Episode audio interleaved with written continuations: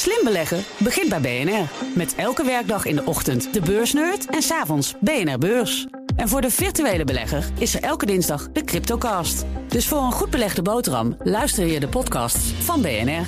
Blijf scherp horeca overeind. En de klimaatambities van de Europese Commissie die, uh, gingen van hoog naar torenhoog. Is dit het goede moment?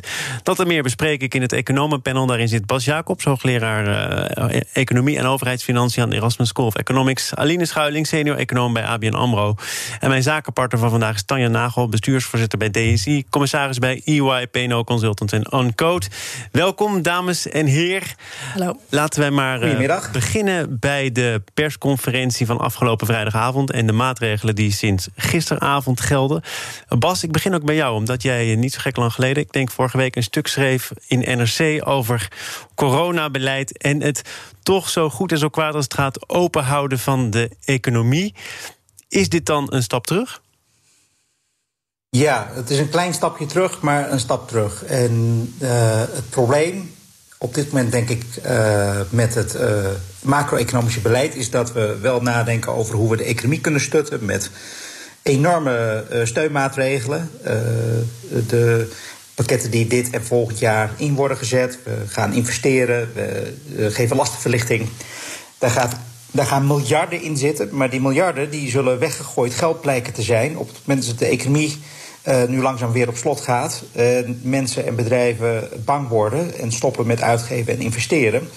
En dan gaat de economie weer onderuit. En dan heeft het allemaal niet zoveel zin gehad om al die bedrijven in leven te houden.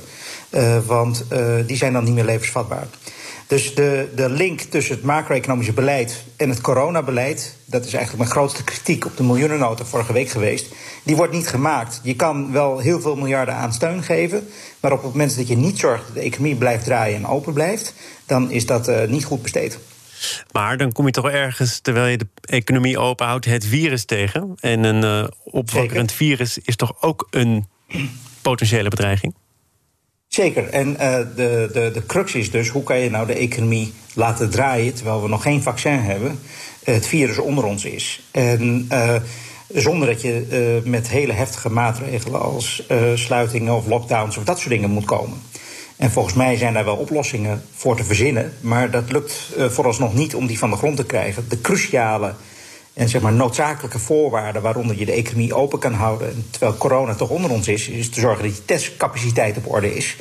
En dat lukt al een half jaar, maar matig. En ik zag toevallig gisteren Arjan Lubach. Ja. Uh, uh, hij had toch wel een punt. Je hebt het laatste duwtje wel gegeven, ja. ja. het, is, het, is, het is, vind ik, een godspe dat de, Nederland, de Nederlandse overheid niet in staat is om die testcapaciteit goed te organiseren. Terwijl er uh, massaal getest kan worden in zeg maar, de, test, uh, de grote testlabs in Duitsland bijvoorbeeld. Ja. En dat, uh, dat wij daar nu blijkbaar allerlei obstakels hebben. die worden opgeworpen door zeg maar, de professionals die zeg maar, in de kleine microlab zitten. En dat vind ik echt wel een probleem.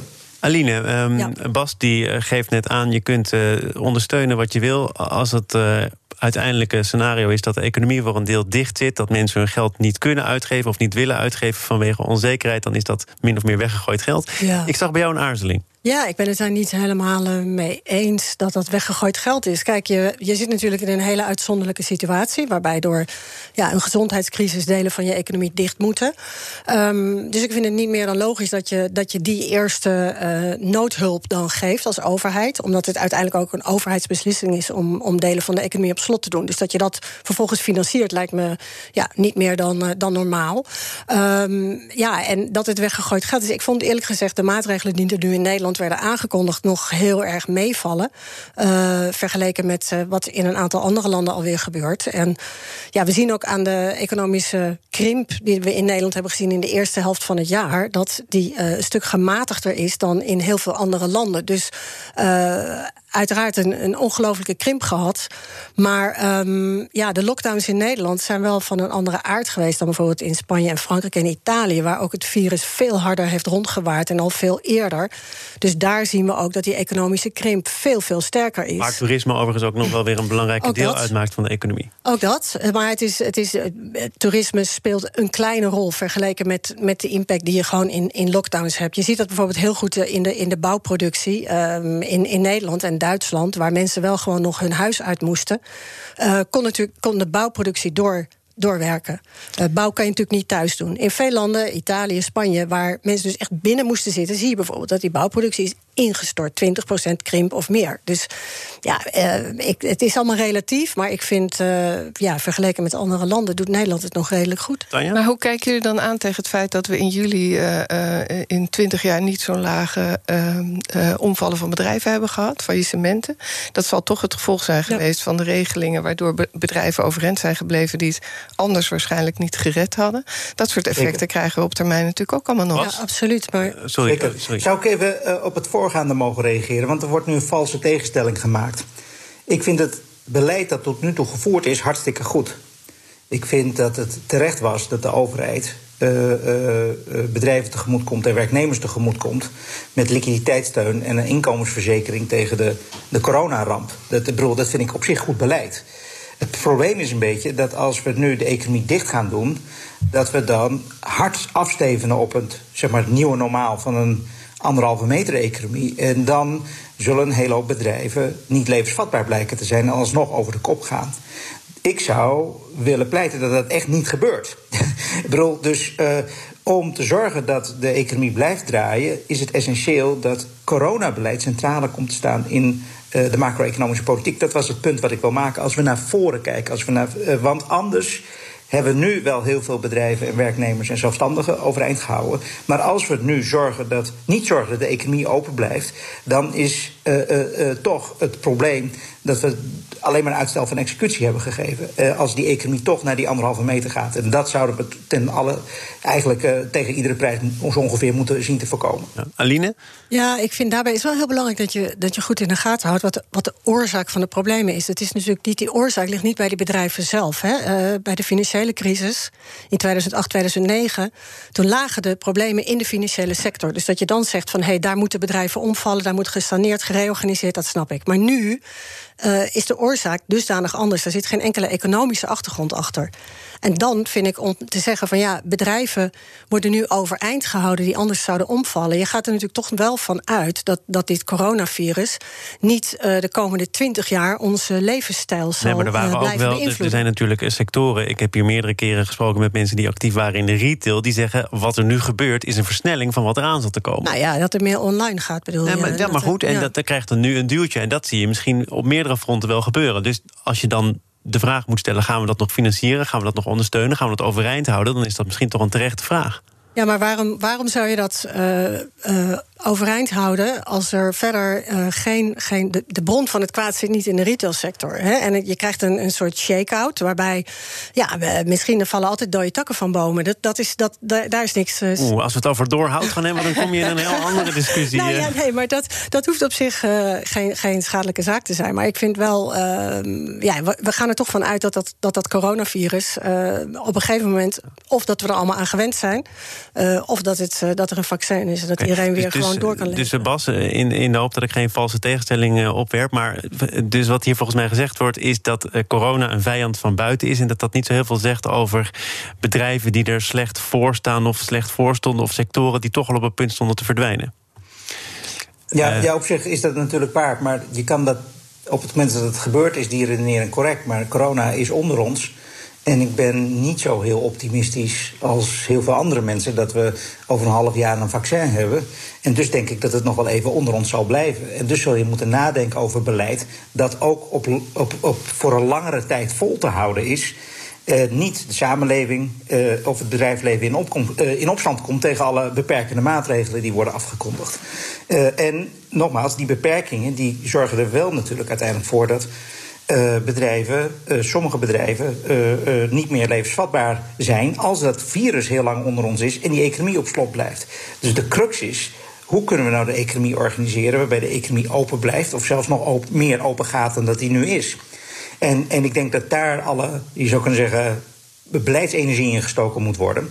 Want op het moment dat we alleen maar achter, uh, achteraf kunnen kijken van, nou ja, we moeten steunen, we moeten noodoperaties, we moeten verbanden aanleggen, maar we laten ons iedere keer wel overvallen door het coronavirus, dan denk ik dat, uh, dat de samenleving daar op een gegeven moment uh, genoeg van krijgt. En dat we hele grote problemen krijgen met de handhaving van al die beperkingen. We gaan naar een ander onderwerp voordat we hier als panel genoeg van krijgen. Zaken doen. En dat panel is het economenpanel. Daarin zit Bas Jacobs, Aline Schuiling en mijn zakenpartner is Tanja Nagel. Um, en dat kan ook niet anders. Ik wil het met jullie toch nog hebben over wat er in Politiek Den Haag allemaal besproken is en geschreven is. Zo ook de macro-economische verkenning van het CPB, de rekenmeesters van het kabinet met vooruitzichten over de effectiviteit van steunpakketten, de werkloosheid die minder toeneemt dan eerder werd verwacht en een economische groei die iets hoger uitkomt dan voorspeld was. Aline, wat, wat pik jij eruit als je naar die macro-economische verkenning kijkt? Nou, wat ik vooral uitpik is dat het op dit moment inderdaad ongelooflijk uh, moeilijk is om nog eh, ja, echt, echt nauwgezette ramingen te maken. Je noemt die werkloosheid. Die is op dit moment is de arbeidsmarkt inderdaad enorm uh, verstoord door al die tijdelijke werkgelegenheidsprogramma's. Maar ook doordat heel veel mensen zich terugtrekken uit de arbeidsmarkt. die zoeken dus niet langer naar werk, omdat ze denken de kans dat ik iets vind is toch heel klein. Um, dat, dat drukt het werkloosheidscijfer kunstmatig naar beneden. ik denk dat het neerwaartse aanpassing van het CPB daar voor een groot deel mee te maken heeft gehad. Uh, dat zijn dus allemaal tijdelijke verstoringen in de cijfers. Dus, dus dat maakt het gewoon heel lastig. Dat, dat zeggen ze zelf natuurlijk ook. Je moet, het is exceptioneel onzeker. Maar kan je het net zo goed niet lezen, begrijp ik? Nou, nee, want je, je, je moet toch een, een richting. Iedereen uh, werkt ook met verschillende scenario's. Hè, dat je dus een basisscenario hebt waarvan je denkt dat is het meest waarschijnlijke. Maar ja, we hebben nu natuurlijk gezien uh, sinds dit virus is uitgebroken dat, dat ja, maar ook de getallen waarmee je nu moet rekenen, die zijn natuurlijk ook heel raar. Vroeger, als je het mis had, dan zat je maximaal half procent ernaast. En, en nu 10 procent bijna, bij wijze van spreken. Dus ja, ja het is. Maar ik, uh, ik denk, uh, alles overziende, uh, denk ik dat, dat in het algemeen misschien iets te lichtvoetig wordt gedacht over de, de na-effecten van de strenge lockdowns die we hebben gehad. Hè. Kijk, nu is het meer een beetje fine-tunen van, die, van de zeg maar anderhalve meter samenleving. Uh, maar we hebben natuurlijk veel strengere lockdowns gehad. En um, ja, ik denk dat een, een veel van de nadelige gevolgen daarvan, dus nu inderdaad verhuld zijn in de cijfers. En die gaan we waarschijnlijk pas, pas volgend jaar zien, ook als steunmaatregelen langzaam worden afgebouwd. Maar het CPB heeft toch ook een dieper dalscenario um, ja. in beeld gebracht, waarbij die cijfers helemaal niet zo positief tot 2025, geloof ja. ik, uitpakken. Ja, ja, ja dus dat, dat geeft ook die onzekerheid aan. Bas, um, wat wil jij zeggen over die macro-economische verkenning? Nou ja, de, ik wil me aansluiten dat het allemaal extreem onzeker is. Ik bedoel, als die, die, die tweede golf uitblijft, dan gaan we volgend jaar naar raming van het CPB 3,5% groeien. Op het moment dat die opleeft, dan gaan we 3,5% krimpen. Nou, daar ja. zit 7% van het nationaal inkomen of verschillende groei in. Dus de onzekerheid is echt gigantisch. En dat, uh, uh, dus, de, dus daar hebben we allemaal mee te maken. En dat, uh, dus, dus de, de, als, als ik kijk naar. Bedoel, grosso modo denk ik dat er goed, macro-economisch beleid gevoerd wordt, gegeven wat er gebeurt met corona. En uh, ik denk dat de, de, regering lof verdient voor het overboord zetten van al die budgettaire heilige huisjes die we de afgelopen tien jaar hebben gehad. Zoals bijvoorbeeld het uh, begrotingstekort dat nu mag oplopen. Precies, precies. En de, en de cijfers uh, die zaten niet in de macro-economische verkenning, maar bijvoorbeeld in de middellange termijnraming, die laten zien dat bij ongewijzigd beleid uh, en als er geen tweede golf komt, de, het begrotingstekort in 2025 uh, op 1,7% uitkomt. Dat is dus ruim onder de 2%. En bij de huidige rentestand op de overheidsschuld gaat die schuld dan ongeveer terug op lange termijn naar zo'n 60% van het BBP. Dus, dus de overheidsfinanciën, eventjes onder de aanname dat er geen tweede golf komt. Die overheidsfinanciën die, die zijn niet in de gevarenzone op geen enkele manier. En ik merk wel dat er in de pers allerlei verhalen alweer uh, de kop opduiken. Ja, dat is de, uh, de pers. Maar hoe vind je dat er, hoe dat, vind je dat er in de politiek gesproken is over dat uh, begrotingstekort? Want, want de economen ook er in dit bestaat, panel... Er bestaat, er bestaat redelijke consensus, denk ik nu, in de, in de politiek... dat dit goed beleid is. En Hoekstra die zegt, Rutte zegt allemaal, we gaan nu niet in de crisis bezuinigen. Ik denk dat ze hun les hebben geleerd van die vorige crisis. En ik denk dat het een, goede les is geweest. Ja, maar ze zeggen er ook bij, Rutte heeft dat volgens mij letterlijk gezegd... Uh, we kunnen nu doen wat we doen, omdat we een flinke buffer hebben opgebouwd. En we moeten dus ook wel eens een keer gaan nadenken... over hoe we dit gaan terugbetalen en op welke termijn. Maar dat is iets voor een volgend kabinet. Nou, daar heeft hij ongetwijfeld gelijk in, want zijn huidige kabinet... dat zit er niet mm. meer zo lang. Of is dat toch ook een beetje makkelijk? Van ja, dat, dat zien we dan uh, onder een nieuwe gesternte wel weer.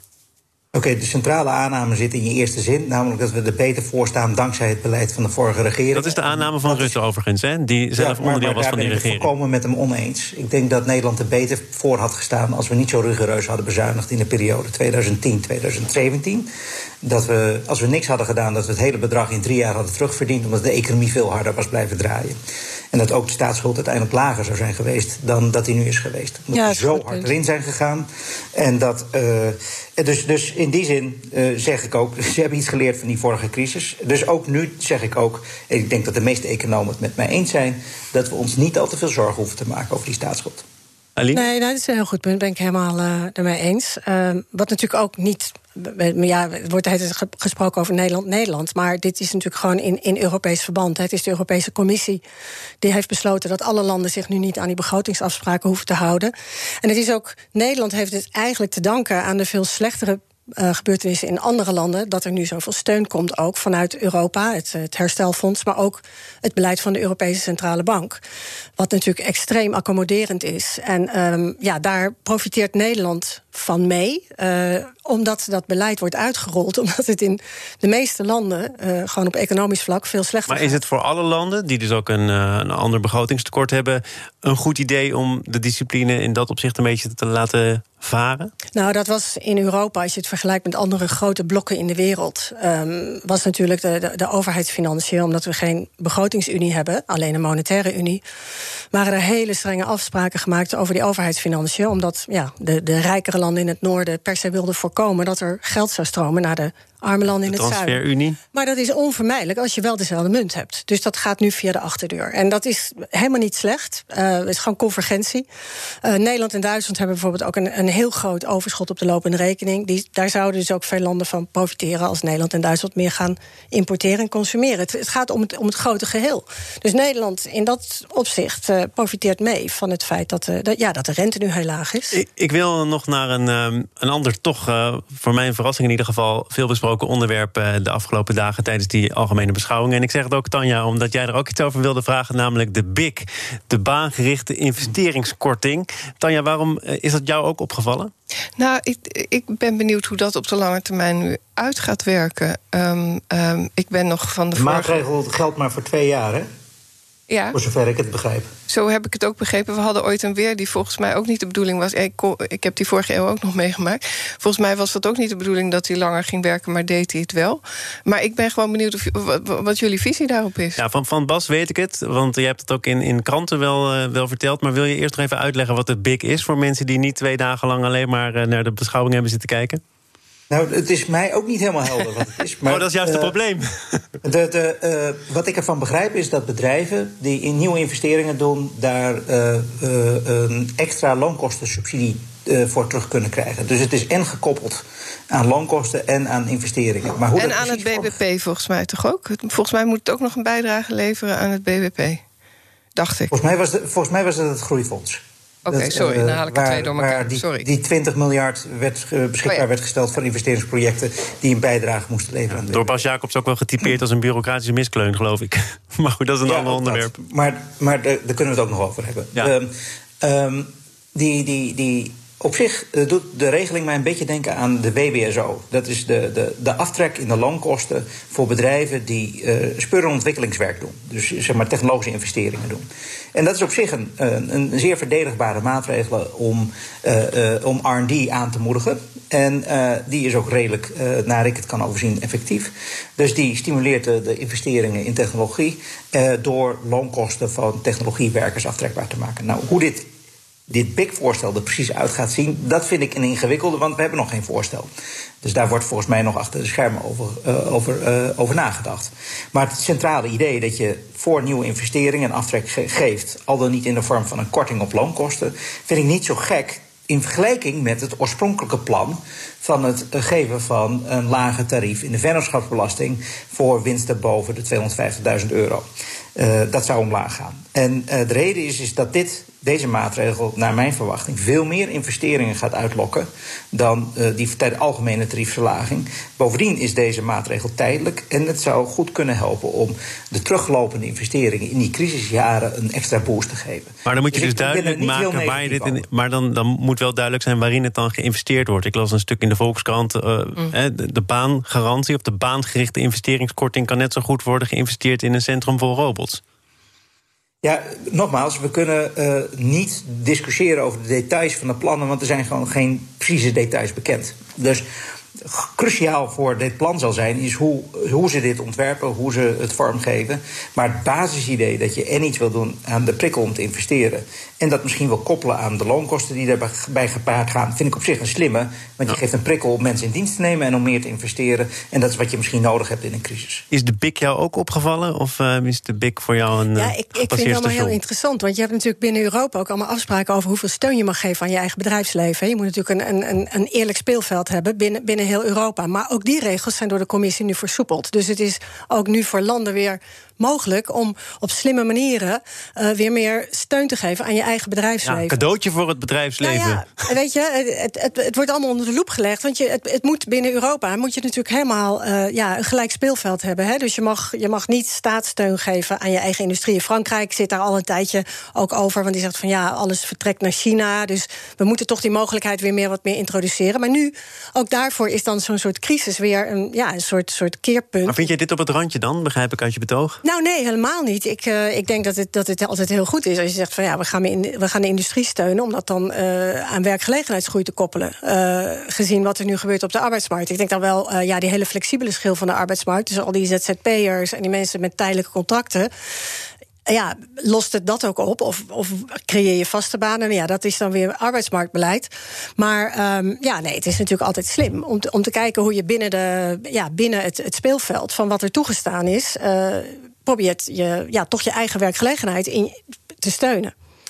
Dank voor uh, jullie aanwezigheid en bijdrage aan dit panel. Aline Schuiling, senior-econoom bij ABN AMRO. Bas Jacobs, hoogleraar Economie en Overheidsfinanciën... aan de Erasmus School of Economics. En mijn zakenpartner Tanja Nagel, commissaris bij EY... bestuursvoorzitter van Daisy en ook nog toezichthouder bij PNO... Consultants en Uncoach. Ja, soms moet je een beetje variëren, Tanja. En ik, ik, ik, weet het. En ik weet ook dat je hier volgende week weer bent. Dus dan komt het er weer in een andere volgorde uit. Dank je. Komt allemaal goed. Tanja, tot, uh, tot volgende week. En um, ik zeg nu ook alvast tot morgen. Dan is onze eerste gast Joram Knoop, de topman van Four Farmers. Dat allemaal morgen in BNR Zaken doen. Zometeen eerst Nieuwsroom. Dat is de dagelijkse podcast van het FD en BNR. Gepresenteerd door Mark Beekhuis. Veel plezier. Tot morgen. Ook Hugo Reitsma vind je in de BNR-app. Superhandig die BNR-app. Je kunt alle programma's live luisteren, breaking nieuwsmeldingen. Je blijft op de hoogte van het laatste zakelijke nieuws. En je vindt er alle BNR-podcasts, waaronder natuurlijk de belangrijkste, Boeken zijn in de wijk.